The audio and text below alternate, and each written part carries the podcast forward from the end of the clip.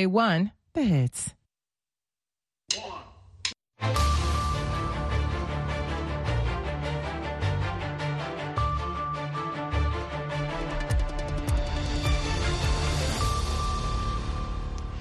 halkani waa washington laanta afka soomaaliga ee idaacadda v o a oo si toosa idinka imanaysa mawjadaha gaagaaban ee lix iyo tobanka iyo sagaal iyo tobanka mitirban iyo boggeena v o a somaly com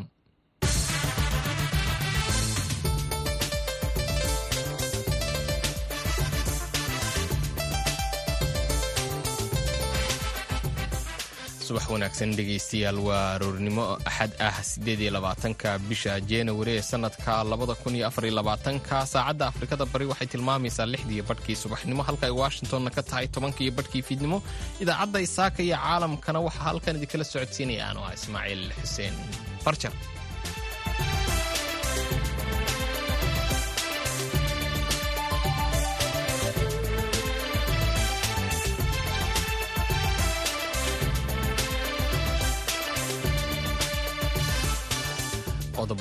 qodobadaan idinku hayno idaacaddeenna saaka iyo caalamkana waxaa ka mid a maxkamadda sare ee dalka kenya oo dhowaan joojisay sharci darrona ku tilmaantay tallaabada ay dowladda madaxweyne ruuto ay ku doonaysay in ay ciidamo boolis ah oo nabad ilaalin ah ay ugu dirto dalka hayti go'aankii maxkamaddii ka gaartay arrintaas. Go'aan kama dambayn waaye? Go'aanka asaga oo maxkamadda ay ku tilmaamtay in barnaamijka misena nidaamkii waddanka kenya ee dowladeenna wadatay oo kun booliista kenya ka mid ah inay u diraan waddanka hayti ayaa dib u dhigaysa arrintaas. Barnaamijkaasna marka wax kama jiraan buu noqonaya sidoo kale waxaad maqli doontaan ururada bulshada rayidka ah ee somalilan oo ugu baaqay golayaasha sharci dejinta inay khilaafkaas soo kala dhex galay ee dhinaca doorashooyinka ay ku dhammaystaan wadahadal iyo isfaham dhexdooda ah. Wararkii ugu dambeeyey ayaad sidoo kale maqli doontaan ee diyaargarowga ciyaarta kama dambaysta ah ee koobka maamul goboleedada oo dhex mari doonta hirshabeelle iyo galmudug qodobadaas iyo warar kale ayaan idiin haynaa marka horeyse waxaad ku soo dhawaataan warkii dunida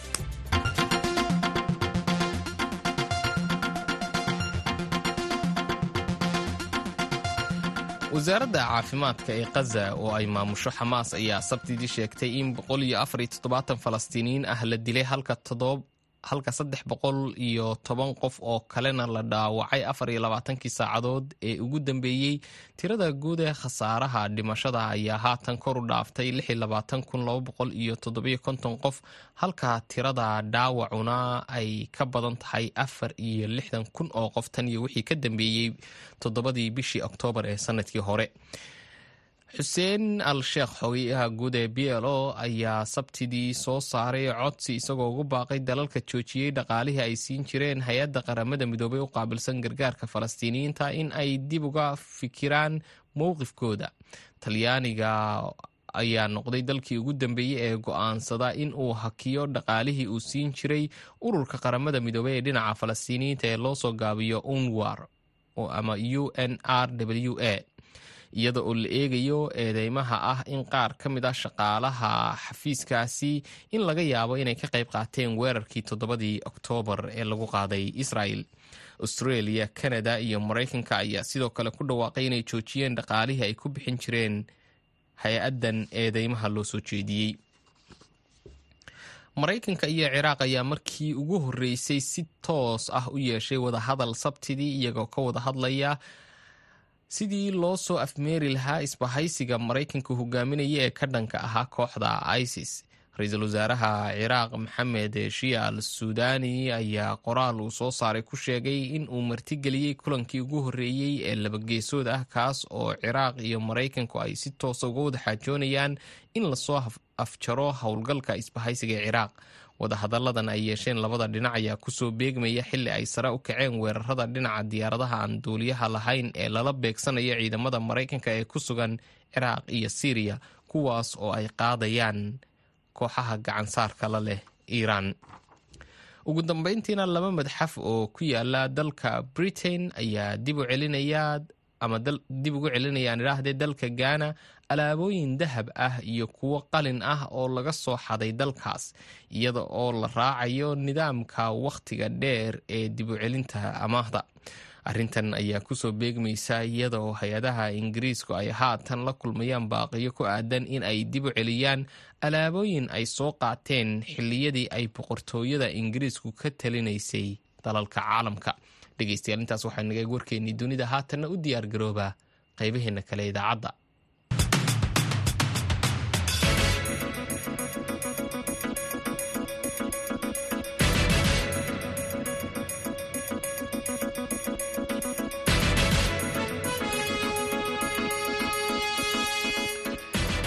subax wanaagsan dhegeystayaal laanta afka soomaaliga ee v o e aad nagala socotaan. Maxkamadda sare ee dalka kenya ayaa dhowaan joojisay sharci darrana ku tilmaantay tallaabada ay dowladda madaxweyne ruuto ay ku doonaysay inay ciidamo boolis ah oo nabad ilaalin ah ugu dirto dalka haiti.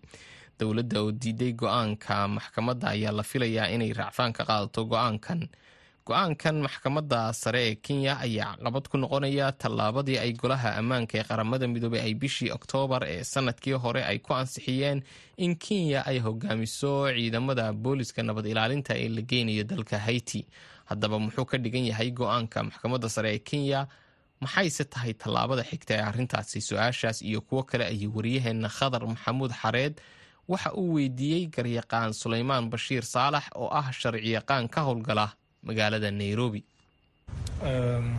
Walal maxkamadda shalay go'aanka ka soo baxay waa go'aan kama dambeyne oo dib u dhigayo barnaamijkii dowladda kenya ay ku wadatay in ay kun booliska kenya ka mid ah ee u dirta wadanka haiti in oo ay ka qayb qaataan xaaladda oo amni ku soo celinta iyo nabad sugidda dalka haiti.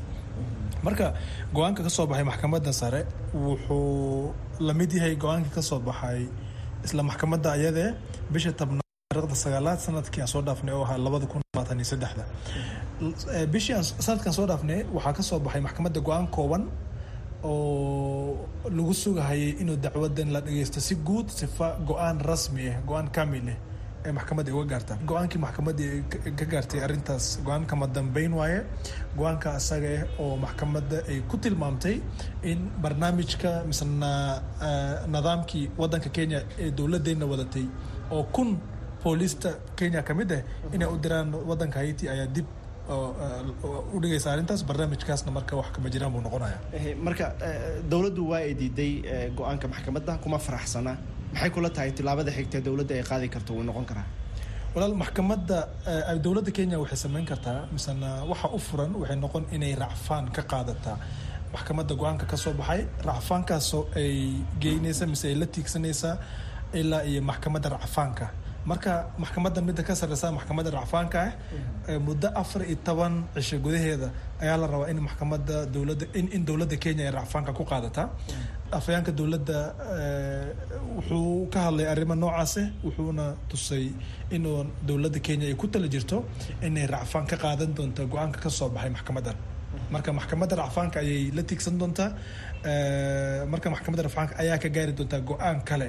In waxay noqontaa marka inay maxkamadda racfaanka ku raaci doonto go'aanka ka soo baxay maxkamaddan sare mise inay daaqada ka tuuri doonto go'aanka ka soo baxay maxkamaddan oo ay u ogolaan doonto dowladda kenya in barnaamijka haiti booliis uu dirkeeda inuu socon doono. Marka go'aankaas baan sugi doona haddii dowladda kenya ay go'aansato inay maxkamadda racfaanka aadi go'aanka maxkamadda sare ee kenya ay ku diiday tilaabada ciidamada kenya ee ciidamada booliiska ugu dirayso haiti wuxuu imaanayaa xilli toddobaadyadii la soo dhaafay uu jiray khilaaf ama dagaal afka ah oo u dhexeeyey madaxweynaha iyo hay'adaha garsoorka gaar ahaan maxkamadda sare oo musuq maasuq ku eedeeyey marka ma las dhihi karaa go'aanka maxkamaddu ay ku diiday in ciidamo loo diro haiti arrintaas ayay la xiriirtaa maya maya saas inkasta oo uu ka jira buuq ka taagan dowladda qeybta uu madaxweynaha u weyn yahay iyo qeybta maxkamadaha.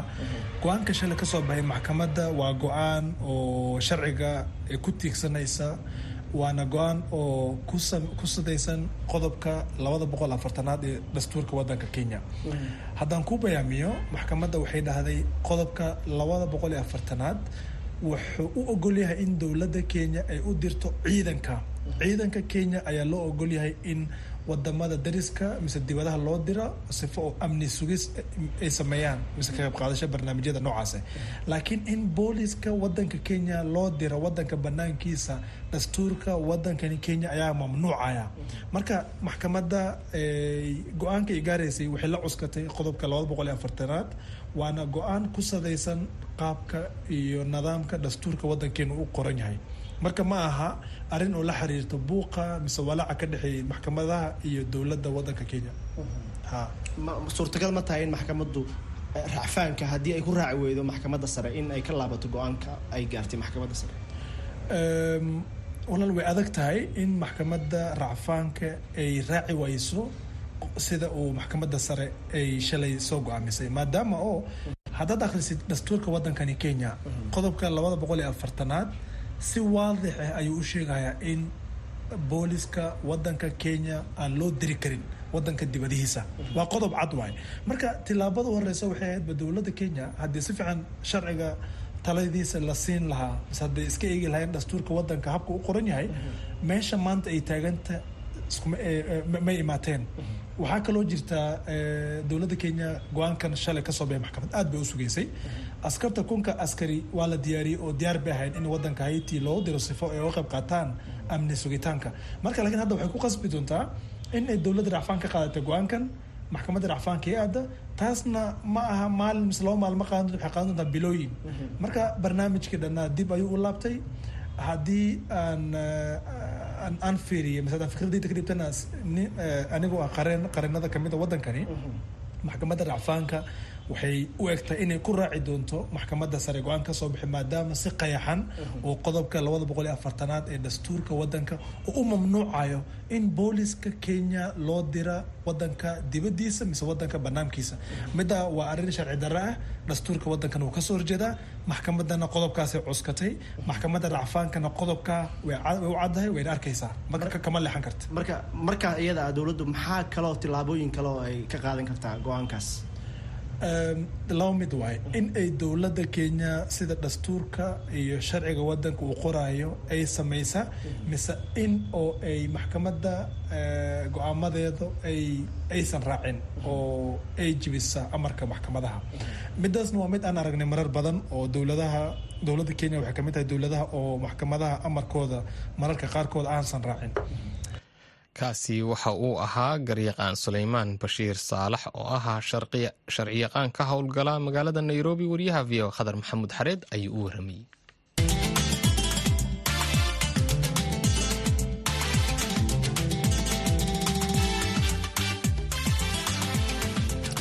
subax wanaagsan dhegeystayaal laanta afka soomaaliga ee v o e nagala socotaan gudoomiyaha dalladda ururada aan dowliga ahayn ee somalilan ee sonsaf anwar cabdiraxmaan ayaa ugu baaqay shirgudoonka guurtida iyo wakiilada in ay wadahadal ku dhammaystaan khilaafkii dhowaan ka dhashay xeerarka doorashooyinka. Warkan waxaa magaalada hargeysa ka soo diray wariyaha v o a khadar maxamed cakulle. Iyadoo maalmihi aynu ka soo gudubnay uu muran dhinaca sharciga ahi u dhexeeyey golayaasha guurtida iyo wakiilada ayaa waxaa wararka ugu dambeeyey ee laga helayo golaha guurtidu ay tilmaamayaan in golaha guurtida ee somalilan ay go'aansadeen in waanwaan iyo wadahadal lagu dhammeeyo khilaafka xeerarka doorashooyinka somalilan ka dhashay kaas oo xilligan u dhexeeya labada aqal ee guurtida iyo wakiilada. Kadib markii madaxweynaha somalilan uu golaha guurtida ku celiyey xeerarka doorashooyinka ee xeer afar iyo toban iyo xeer koob iyo sagaashan kuwaasi oo hore uga soo gudbay golaha wakiilada. Inkasta oo aanay wax waray ka soo bixin shirgudoonka labada gole ee guurtida iyo wakiilada haddana geesta kale waxaa jiray in sabtidii shalay golaha wakiilada somalilan aanay wax shaqaa qabanin oo golahu uu fasax ahaa.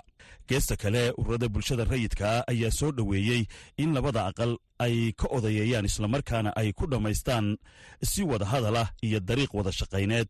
Wixii ay ku kala ra'yi duwan yihiin ee la xidhiidha xeerarka doorashooyinka somalilan oo muhiim u ah u diyaargarowga doorashooyinka. Guddoomiyaha dalladda ururada aan dawliga ahayn ee bulshada rayidka ee sonsaf anwar cabdiraxmaan warsame ayaan weydiiyey sida ay u arkaan sonsaf ahaan wada hadallada iyo waanwaanta la sheegay in labada aqal ee guurtida iyo wakiilada shirguddoonkoodu ay ka leeyihiin murankii xeerarkan khadar aad iyo aad baad umahadsan tahay. Waxaan u aragnaa un waanu soo dhaweyneynaa in labada shirgudoon iyo labada gole si degan uga wada hadlaan labada sharci ee uu marayo wax kabedelka iyo kaabista xeerkan doorashooyinku. Sidaan horeba u soo jeedinay waa muhiim in wixii khilaafa in isfahan lagu dhameeyo oo ma garanaysaa laysu joojiyo oo laysqanciyo somalilan saad ka warqabta horeysa iyo dambaysaba waxaa dowladnimadeeda sar u ahaa in laysu joojiyo laysdhegaysto laysqanciyo laysuna garaabo sidoo kale waxaanu ku kalsoonahay oonu ognahay in labada shirgudoon heshiis buuxa ka gaari doonaan murankan oo muddo soo horjiitamay xeerarkuna sidoodaba dee waa arrimo masiiriya oo u baahan inay macama qaabeynaya nolosha jiilal fara badan. Sidaa awgeed waa daruuri in markasta xeerarka lagu curinayo ama xeerarka la samaynayo lagu jaangooyo maslaxadda guud lagana dheeraado wixii danaysiyo kooxayna. Marka runtii dee aad iyo aad baanu soo dhaweyneynaa anwar cabdiraxmaan warsame ayaa geesta kale isdul taagay dhabbadii ay soo mareen iyo curintii hore ee wadahadalladii laysaga dab qaaday saamilayda siyaasadeed ee somalilan taas oo markii ugu dambaysay odayaal dhaqameed ka mida beelaha somalilan ay ku soo gebagabeeyeen qodobo keenay isafgarad iyo heshiisya siyaasiya waxaan xeerarku waa runtaa mudday soo jiitamayeen? Horena de waa kuwii muxuu ahaa odayaashii beesha bariga burca ay muxuu ahaa iswaafajiyeen sidii sidii doorashada dee loo qaban lahaa. Marka labada gole waxaa laga filayay uun xeerka iyo heshiiska ay stakeholdersku ama danayaasha doorashooyinku ay gaadheen inay soo waafajiyaan xeerarka iyo dastuurka dalka. Runtii shaqo badan bay qabteen labada goloba shaqada aad iyo aad u fiican bay qabteen meel fiicanna way soo gaadhsiiyeen xeerkiina muxuu ahaa xeer foodhin iyo xeer naynta wan labadaba wax kabedel iyo kaabis bay ku sameeyeen.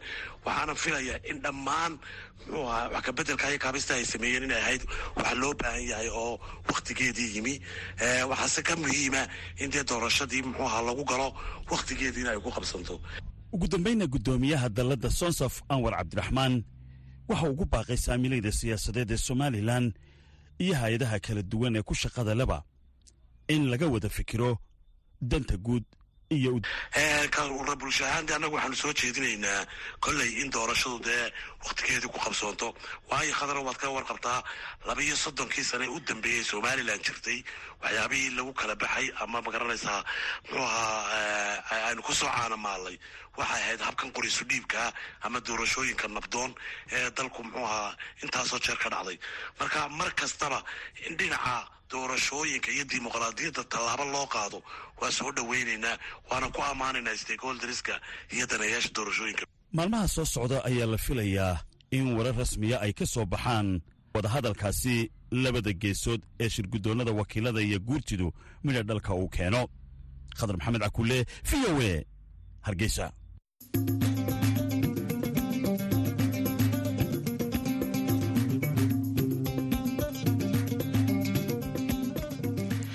waxaa la sugayaa ciyaartii kama dambaysta ahayd ee tartanka ciyaaraha maamul goboleedada oo beryahanba ka socday magaalada muqdisho waxaana ciyaarta kama dambaysta ah ku loolamaya xulal kala matelaya hirshabeelle iyo galmudug haddaba diyaargarowgii ugu dambeeyey warbixin amuurtaas ku saabsan waxaa inoo haya wariyaha v o a dhinaca ciyaaraha maxad cali xidir maalinta berito ah waxaa loo ballansan yahay ciyaarta kama dambaysta tartanka dowlad goboleedyada iyo gobolka banaadir oo ay isugu soo hareen maamulada kale ah galmudug iyo hirshabeelle ciyaartooyda labada xul ayaa siyaabo kala duwan waxaa dhiirigelin lagu sameeyey magaalada muqdisho ka hor ciyaarta finaalka ee ka dhaceysa garoonka ciyaaraha ee muqdisho. Xildhibaano ka tirsan baarlamaanka soomaaliya ee laga soo doorto galmudug wasiiro iyo martisharaf isboortis ayaa habeenkii xal ahaa. Waxay xidigaha galmudug u sameeyeen xaflad isugu jirtay casha sharaf iyo dhiirigelin taasoo muujinaysa in mas'uuliyiin siyaasada ee labada maamul ay ku loolamayaan ciyaarta u dhexeysa jowhar iyo dhuusamareeb waa kuwan xildhibaanada laga soo doorto deegaanada galmudug sida qaali cali shareeh iyo xildhibaan yaasiin cabdulaahi maxamuud farey oo labaduba si isku mid ah u sheegay in koobkan ay doonayaan sanadkan in laga dejiyo deegaanada galmudug. Waxaan rabaa daruuri layga fiican yahay laakiin galmudug waa laga raaya wax kalaa ciyaartan way ka duwan tahay ciyaarihii hore waad ogtihiin maamulada sidii rawaaya inay soo galaanba inay ciyaarta dheelaanba maamulana waa ku jiri waayo waa ka baxeen. Marka maamulkii soo gaaray haddana galmuduga ciyaartii ka horraysa tan galmudug iyo banaadiraas ku soo hartay koobkana banaadiraa qaatay laakiin waxaan is leeyahay banaadir sanadkan koobka waa waa galmudug waa is leeyahay sanadkan.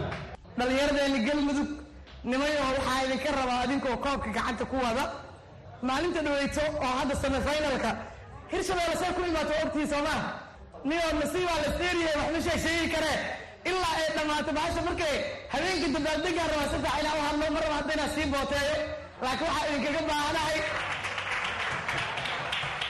Waxaa idinkaga baahanahay inaa haddaba ogtiine faankeeni aa ficil ku dartaan. Reer galmudug reer galmudug haddaan nahay faankeena waana lagu yaqaanaa magaalada maalintaa badin waa la kala dhuuntaa dadka taleefanada waa dinsadaan notifikeshinada ku bata internetka waa la kala dhuuntaa maalintaa waxaa rabaa magaalada inaa xer albaabada u laabo sidaasi la mid ah xulka kubadda cagta ee hirshabeelle ayaa iyaguna gudoomay ablamarino iyo dhiirigelin uga timid xildhibaanada laga soo doorto deegaanada hirshabeelle sida maxamed abuukar islow ducaale iyo nabadoon abaabul oo si wadajir ah carabka ugu adkeeyey in ay u qalmaan in koobka maamul goboleedyada iyo gobolka banaadir sanadkan laga dejiyo deegaanada hirshabeelle waxaa ogaataan garoonka markaad gashaan isniinta markaa cayaaraysaan niyadanaa ku haysaan kubadda cad iyo madow. Waa badinaysaan ama waa nilaga badina marka hore saasna ogaataan. Laakiin annaga hirshabelle ahaan waxaan ku gelaynaa garoonka inaan koob ka soo qaadno. Reer galmudug ayagoo banaadir la cayaaray goolaa laga dhalay asee dadka farxeenay booboodeen war maxay la farxayaan? Gool ba'a mageeli naga dhaceen marka hadda waa laysi soo gaaray dadkii ilbaxay noqdeen. Waxaan markaa arkaa hadda reer galmudug gabdhahooda oo oynaa marka laga soo badsho ama oynaa markay badshaan marka waa is adduunyada waa isbedeshay aadaan ugu faraxsanahay. Ma rabna baraha bulshada inaan ka faanno ma rabna inaan dad kale wax ka sheegno. Intaan nirin waa kaftan. Wixii daahadna waa cidda waa la yaqaana way timaadlak way soo daahday. Reer hirshabelle dhan waa imaanlak way soo daahayaan. Haddaa nimid. Meesha oo ameerikaanka la geeyey irish ka qabsaday ee calibeesteenka la geeya u sii socotiin horta ogaada. Iska soo celsha banooni dhanna iyo maaha. Banooni waa kaweyntaha waxa.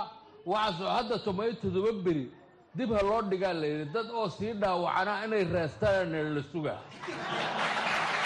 Waxaan rabaa dadka indhaha inay kala qaadaanaan rabnaa meeshaan ducaalow ilaahay wax waa ku siiyey waxaagana allah kuu barakeeyo ilmaha xataa garoonka jowar uma dhisna xataa. Qof lagu hadlayhaayana ma jirto ciyaarta aadka u xiisaha badan ayaa loo ballansan yahay in beri oo isniin ah lagu soo gebagabeeyo magaalada muqdisho. Kulanka fiinaalka ayaa markii hore loo qorsheeyey in la ciyaaro sabtidii shalay ha yeeshee cudurdaar ka yimid madaxtooyada qaranka ayaa baajiyey in la dheelo waxaana qorshuhu yahay in kulanka fiinaalka uu ka qayb galo madaxweynaha jamhuuriyadda federaalk soomaaliya doctor xasan sheekh maxamuud mahad cali xidir v o a muqdisho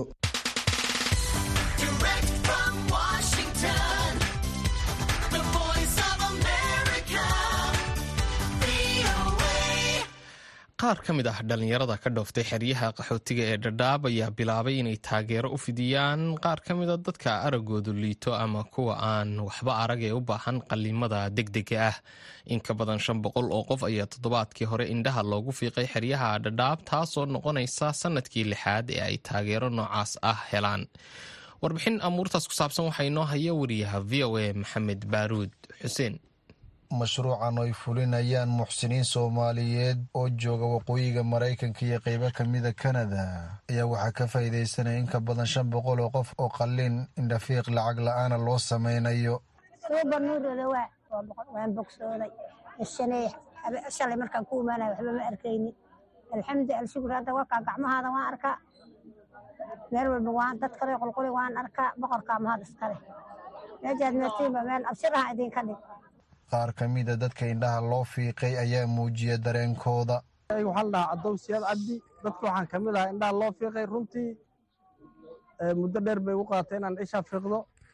Dhaqaalihii baa zaa'id fiiqitaanka haddii la dhaho waxaan u mahad celinaynaa intii ka qayb qaadatay. Kuwii sadaqada la baxay ee intan oo khalqiga muslimiina meeshaas ku imaatay ku bixiyey yaan ku mahad celinaynaa sadaqadoodana inuu ilaahay meeshii ay la rabeen u gaarsiiyo. Maanta indhihii baa noo wada furan annagoo boqol dhan baa hadda inta joognaa boqol. Oo keelo waaweyn baan wada qabnaa. Waxaana kaloon codsanaynaa weli haddii ay awoodaan reer north america masjidul ciisa ibnu maryam iyo saaxiibadii reer canada. Waan u mahad celinaynaa mar labaad iyo mar saddexaad. Waxaan rabnaa inay weli sii wadaan. Maxamed faarax baa liidhahaa waa ilaahay baan horta mahad u celinaynaa awalka dadkii tabarucan noo fidiyey dal iyo dibad meelay joogaanba way mahadsan yihiin. Waana u ducaynaynaa indhihii baa naloo fiiqay wax baana ku aragnay. Ilaahay baa mahaddaana iska leh dadkii noo fiiqay baana mahaddaa iska leh. Waana u ducaynaynaa inay waxay doonahayaanoo khayr oo dhan alla siiyo waxay u mahad celiyeen dadkii hirgeliyey qalliinkan. Magacayga aamine aadan xaashi baa la dhahaa. Waan mahad celinaynaa ilaahay intii daawada noo keentay khayr iyo barako allaha siiyo allaha barakeeyo. Way iyar xanuunaysaa laakiin wax baan ku arkaa. Marka laba sanay ishi idansanayd aan waxba ku arki la'aa marka intii noo keentay daawadan khayr iyo barako allaha siiyo. Ilaahay ha barakeeyo. Waan u ducaynaynaa qaar badan oo ka mid a bukaankan sanooyin waxba maysan arkin balse hadda waxa u bariyay waa cusub sida ay sheegeen. Yuusuf boqolkiiba boqol walaalayaal waa mahadsantihiin dadkii kor waxaan noogu soo as-aasi idinkii oo inta haddaan noogu howlgalay naga hagarsanin waa u mahadnaq waa idin mahadnoqdi ilaahay barako iyo ziyaadaha idiin siiye indhaha wax baan ka aragnay. Laba sana aniga naftay. Ishi ma xanuunaynin waa aragtida una laga mideebey alxamdulilah haddaan wax kasta waa arkow hayaa. Waxaa la dhahaa cali cabdi axmed. Indhihii baa noola fiiqay oo had idinkaa arkaya bee aan sheeg idinka meesha idin america yaa inaan arkay u dhowdahayba marka indhihii waa fuul bay noo noqdeen. Barnaamijkan oo soo bilowday sannadkii laba kun sagaal iyo toban ayaa waxaa maalgeliyey qaar ka mid a dhallinyarada soomaaliyeed ee ka dhoofay xeryaha qaxootiga ee dhadhaab magacayga waa ibraahim bashiir axmed oo ku nool dhagaxleey xaafadda bitiri dadka indhaha noo fiiqay oo qurbaha aaday waan idin duceeyey insha allaahu allaha idan barakeeya ubadkiinna baari allaha idinkaga dhiga gaalada sharkeeda allaha idinka qabto. Maxamed baaruud xuseen v o a dhadhaab aad buu mahadsan yahay wariyaha v o a dhadhaab maxamed baaruud xuseen. Haatanna dhegaystayaal waxaan jaleecaynaa dhinacii heesaha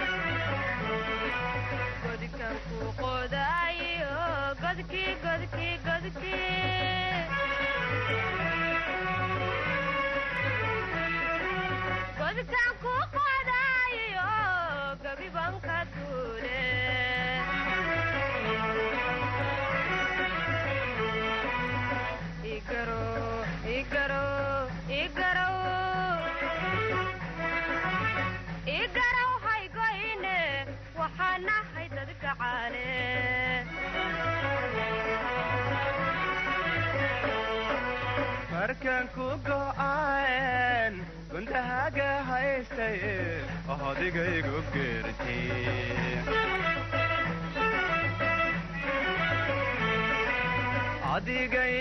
girto golxubada faysi oo ilagaday gudumo gudubtayda qaadi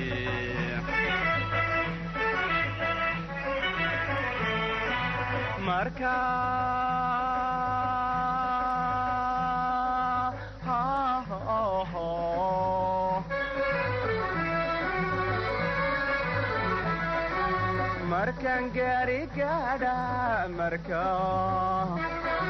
Markaan gaari gaadhaad gudcir mara rawliyo goliga cararte goliga cararte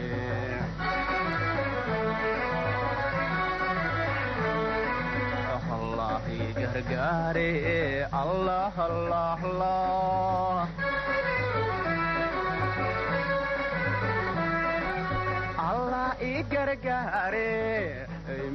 garaabine